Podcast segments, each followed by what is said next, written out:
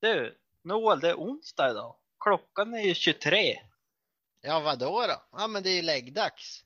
Nej, det är torsdag imorgon. Och vi måste ju släppa ett nytt avsnitt. Ja, men just det. Ja, men det måste ju vara färdigt innan 02.43. Ja, ja, vi måste ringa pastorn och polarna. Nu kör vi!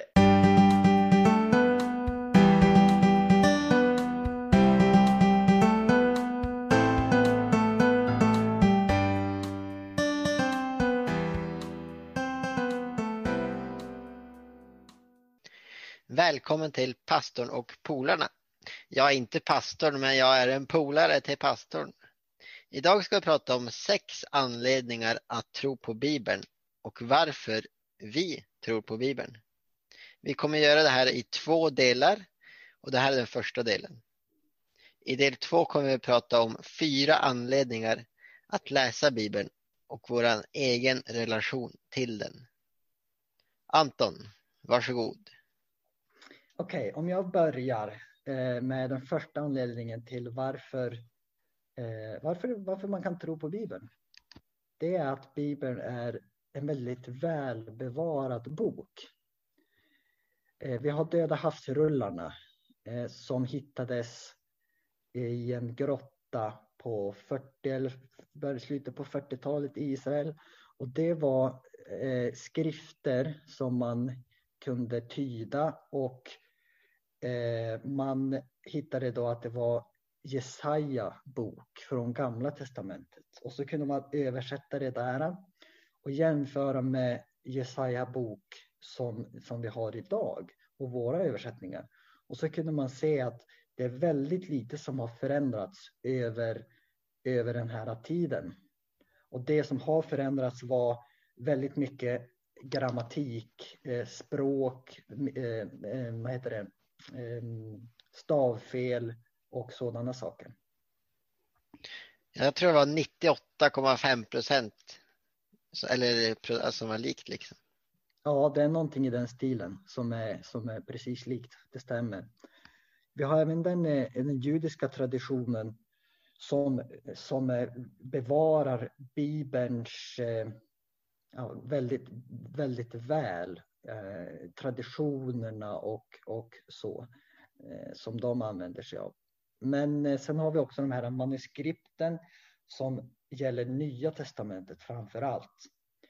Vi har väldigt många manuskript från eh, Nya Testamentet. Och om man tar dem i antal så är det väldigt många fler än, än många andra antika skrifter så finns det väldigt mycket mera eh, manuskript eh, på Bibeln. Och det gör också att man kan se att Bibeln har varit väldigt välbevarad som, som skrift i, genom tiderna. Ehm, Natanael, Nathanael, kan du fortsätta med, med någonting om att Bibeln är konsekvent?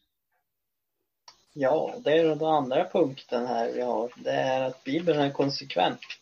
Och Bibeln är en samling av 66 böcker som är indelade i Gamla Testamentet och Nya Testamentet. Och den är skriven av minst 35 olika författare under 1500 år cirka. Och tänk att det är så många som har skrivit men ändå så är, har Bibeln en röd tråd och det är att en eh, principfast Gud som eh, liksom har gett människor eh, det han vill att, att de ska skriva i Bibeln och man ser verkligen att det är en röd tråd genom hela Bibeln. Anton, har du några intressanta grejer kring historien här? Mm. Det är ju lite det vi nämner här. Men man, man kan fortsätta på den att Bibeln är historiskt korrekt. Och då kan vi se på arkeologi. Vi behöver inte gå specifikt djupt i arkeologin, men vi har städer och platser som finns i Bibeln, både i Gamla och Nya Testamentet, eh, som nämns och som var liksom städer och platser på den tiden och som hade, var viktiga eh, då. Till exempel Damaskus och Paulus vet vi gick till Damaskus. Är det inte också så här sjöar och såna här fjäll och sånt där också? Liksom? Jo, det är det ju. Eh, sjöar och som du säger fjäll. Att Israels folk gick dit till Sinai till exempel eller Horeb eller, eller all, sådana där saker. Så det, det, det, är helt, det är helt sant. Eh, men vi har också Jerusalem.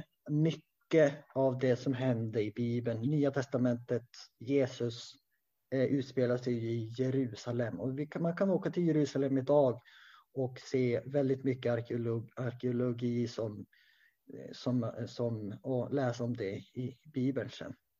Jeriko finns också som en av världens äldsta städer. Och den är ända tillbaka till Gamla Testamentets tid. Eh, om man läser det. En del kungar har vi ju. Herodes till exempel, som är en historisk eh, figur. Och romerska politiker, till exempel kejsare eller Tiberius, ståthållare eller något i den stilen. Finns det inte liksom också andra källor, liksom att de har hittat de här kungarna och platserna? Jo, det finns det. Eh, att man har trott att ett folk inte finns. Men sen hittar man fynd som där de folken omnämns. Och då har man behövt ja, revidera hur man, hur man tror om de här äh, folkslagen på Gamla Testamentet till exempel. Så det är sant. Eh, och den här äh, som jag sa, Tiberius, som jag nämnde innan, det är också en romersk eh, person som du kan läsa om i historie, historiebeskrivningarna. Eh, sen hörde jag att Noel och Adam hade gjort en intressant matematiskt experiment. Kan du berätta lite? Ja, jag och Adam vi satt och pratade en kväll och så tänkte vi, kom vi över det här hur många biblar som har blivit sålt. Och så är så mycket så det är svårt att föreställa sig antalet. Men Adam, du som är duktig på matte och du kan ju förklara lite.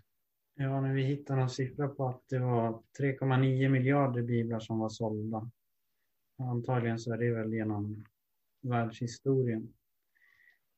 Men som Noel sa så kanske det är svårt att greppa hur många det är. Så vi gjorde en beräkning på att om Bibeln i genomsnitt är 5 centimeter tjock, eh, hur många gånger skulle det då räcka runt jorden? Så Noel, vad fick vi för resultat? Ja, vi fick 4,87 varv runt jorden, alltså nästan fem varv runt jorden. Och då är det som när en böcker står i bokhyllan. Perm till perm i bokhyllan. Nästan fem varv runt jorden. Det låter ju helt galet ju. Det är helt galet också. Och även Adam, vi hade ju en mer, ett mer, mer där. Ja, vi räknade också på om man staplar dem på varandra så hade de räckt ungefär halvvägs till månen. Det är ju helt, det är ju helt otroligt. Det är ju hur coolt som helst. Mm. Jo. Och då kan man ju tänka att det kan inte vara vilken bok som helst som säljer så här. Så det är inte, inget ont om Helge, men det är inte det är inte bara Helge. Nej, och Bibeln är ju, den slår ju alla andra böcker eh, när det gäller antal sålda böcker. Den är ju på, och någon, någonstans hörde jag att när de listar världens mest sålda böcker så, så ibland tar de inte ens med Bibeln på första plats eftersom att den är så överlägsen. Men eh, Adam, eh, du hade någonting mer här om Bibeln, Bibeln och vetenskapliga påståenden. Det är lite intressant det här med att, att Bibeln har vetenskapliga påståenden i sig som nu på, först på senare tid har eh, bevisats. Till exempel att jorden är rund. Jag vet inte när kom man fram till det? Var det på 1600-talet kanske? Någon, någonstans 1600 tror jag. Nu är inte jag någon någon sån här eh, historiker, men i modern tid i alla fall. Mm. Och då skrev Jesaja det för ja, väldigt långt tillbaks innan det. Men det är också viktigt att Bibeln inte är någon vetenskapsbok. Även om det finns en del påståenden som har bevisats. Och det tycker vi är lite häftigt. Men att han är det här med hälsa och hygien och så. Ja, det är också en, eh, en lite intressant eh, punkt här. Eh, då är vi alltså på nummer sex. Bibeln uppmuntrar att följa hygien och hälsoprinciper. Vi kan börja i, i Gamla Testamentet. Där har vi Israels folk eh, som gick, eh, skulle gå till eh, Kanons land och eh, på vägen så bodde de i ett tält eh, i, eh, i öknen och eh, de hade ett läger. Ehm, där står det i Bibeln att de skulle gräva ner sin avföring utanför eh, lägret. Nu idag är det ganska självklart att vi, vi går på toaletten och spolar bort avföringen ehm, för att inte få bakterier och eh, sånt inne i huset ehm, och då kan vi bli sjuka. Men eh, redan då så gav Gud dem den här eh, regeln att göra det här för att ja, de inte ska bli sjuka. Ja, och jag vet att i Afrika eller vart det nu var, bara för inte alls så många år sedan, då höll de på med lik jobbade med lik och sen gick de över till barnavdelningen och hjälpte till att föda barn. Och då var det jättemånga barn som dog, kanske 40-50 procent. Och sen när de förstod att man måste tvätta händerna för det finns bakterier, då gick det ner kanske till bara 10 procent som dog av barnen. Så det är helt otroligt. Ja, det är viktigt att, eh, att det är rent omkring oss. Ehm, en annan grej är det här med eh, mat och i Bibeln så ges eh, vad Adam och Eva ska äta. Eh, de ska äta eh, fröbärande örter och frukt. Eh, alltså det vi skulle kalla idag en vegetarisk kost. Och där ser vi mycket forskning på att det är bra för våra kroppar, att vi mår bra när vi äter som kost. Um, sen har vi en liten annan rolig grej som uh, passar in på situationen med covid-19 här. Um, att uh, man satte människor som var sjuka i karantän. Till exempel uh, om de hade spetälska ehm, så så blev de utkastade ur staden om de bodde i en stad. Eh, de fick inte bo i samma hus som sin familj. De fick inte träffa sin familj utan att de blev eh, på ett ganska, eh, ja, de blev helt i karantän om man säger så. Det var inga veckor de pratade här utan det var resten av livet. Mm. Man kanske tror att det här med karantän är en ny uppfinning men när det fanns för flera tusen år sedan också. Ja, det är häftigt. Och eh, sen har vi en annan eh, punkt här som vi tyckte vi skulle ta upp. Det är veckovila. Eh, Gud skapade världen på sex dagar och vilade på den sjunde. Ehm, och eh, det är någonting som människor har provat att gå ifrån. Till exempel ha en tio dagars vecka. Men det funkar inte så bra. Ehm, så det är också något som vi kommer att gå in på lite djupare i ett annat avsnitt. Okej, okay, så varför tror vi på Bibeln då? Nu har vi ju nämnt några sådana allmänna eh, punkter om varför, varför, vi, varför, varför, varför vi ser att det finns anledning att tro på Bibeln. Men varför tror vi just på Bibeln, vi här? Och om jag börjar så kan jag säga att jag kan inte bortse från hur, hur pass stor påverkan Bibeln har haft på historien här i, i västvärlden framför allt. Jag menar, den har på ett sätt format hela världen egentligen. vi beräknar tid utifrån före och efter Kristus till exempel. Och jag ser det som lite svårt att försöka förklara eh, kultur. Att, att, att ett land är, har en kristen kultur i grund och botten. Eh, och att vi som människor existerar och har ett syfte med vår existens. Men, men även det här med moral och etik som väldigt mycket till exempel inom sjukvården bygger på. Eh, så finns det ju moral och etik och principer och förhållningssätt och sådana där grejer.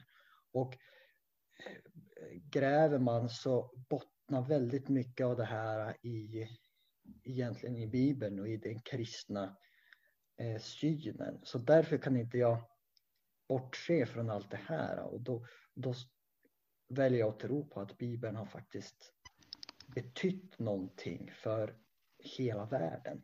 Noel, vad säger du?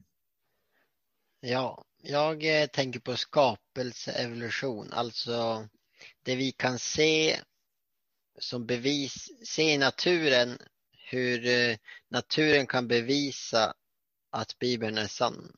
Och eh, genom eh, massa utgrävningar och då menar jag om hur, kanske hur, eh, hur gammal världen är och när den uppstod och hur allting fungerar. Jag kan inte förstå hur eh, folk kan tro på en, ett, en stor smäll och sen så allting till. Liksom. Ja, sen, om allting hade kommit av en slump, varför hade det då varit så vackert? Ja, precis. Gå ut i naturen, kanske snö, det är helt otroligt alltså. Fint. Och just sådana saker, alltså att, att saker är vackert. Och att vi, att glädje till exempel, eller sådana saker, det har en eh, evolutionssyn. Väldigt svårt att, att liksom förklara. Man försöker förklara det, men, men eh, jag finner det, just den aspekten av det hela mycket mer trovärdigt i, i att eh, det finns en skapare som har skapat det här och det är därför vi kan också eh, ha, dem, ha detta. Så det är sant. Ja, eh. precis. Det är ju hur, hur eh, folk, eller hur evolutionen menar jag att folk är starkare och ska döda varandra. Men det ligger någonting gott i varje människa. Att vi vill hjälpa varandra. Så bara där är det en, en viktig sak. Nathanael? Ja, eh, som sagt Bibeln. Det finns ju många saker varför jag tror på Bibeln men en sak som jag tycker eh, är lite speciell det är hur Bibeln är uppbyggd. Att den är så djup. Man kan liksom ta en text, läsa den en gång, få någonting ut av det. Men sen läsa den en gång till och tänka efter. Så lär man sig saker bara en liten text. Eh, vilket är väldigt häftigt. Sen eh, just det här hur den förklarar sig själv. eh, att det är så många eh, bibeltexter som förklarar, eh, om det är lite osäkert eh, vad det betyder så kan man gå och läsa en annan text, till exempel Uppenbarelseboken som är en väldigt eh, svår bok med många Ehm, många eh, saker och bilder och sånt som inte är så lätt att förstå om man bara läser just den texten. Men om man går tillbaks till Danielsboken och läser texten där, för de böckerna hjälper varandra mycket att förstå. Ja, det finns ju otroligt många korsreferenser. Jag såg någon bild en gång på som illustrerar hur många korsreferenser det finns i Bibeln. Och nu är det svårt att visa en bild i podden, men vi borde nog ändå lägga ut den på vår Instagram. Mm. Om ni inte vet vad den heter så är det Disciples Jag tycker verkligen vi ska göra. Och så in och följ, in och följ. Men Adam, du, du, kan, du är inne på ett spår där som du kan få fortsätta på.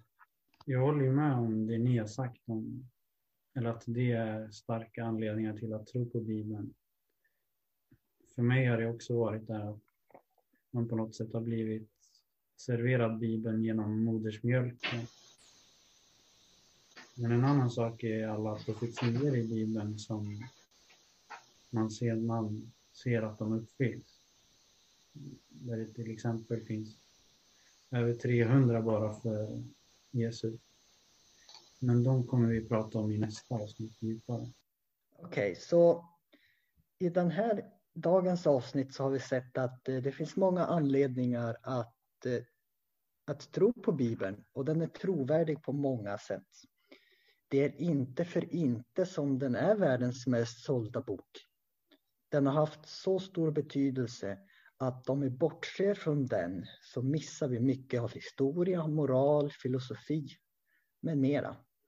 Världen utan Bibeln blir som en Bil utan motor och däck. Eller ja, som snickare kan man säga att en snickare utan hammare. Du kan också säga att den är, eh, det blir som en bok utan innehåll.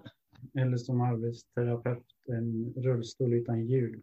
Eller att det blir som en groda utan ben. Helt hopplös. I nästa avsnitt så kommer vi prata mer om varför vi tycker att man borde läsa Bibeln för sin egen del. Tack för att ni ville lyssna.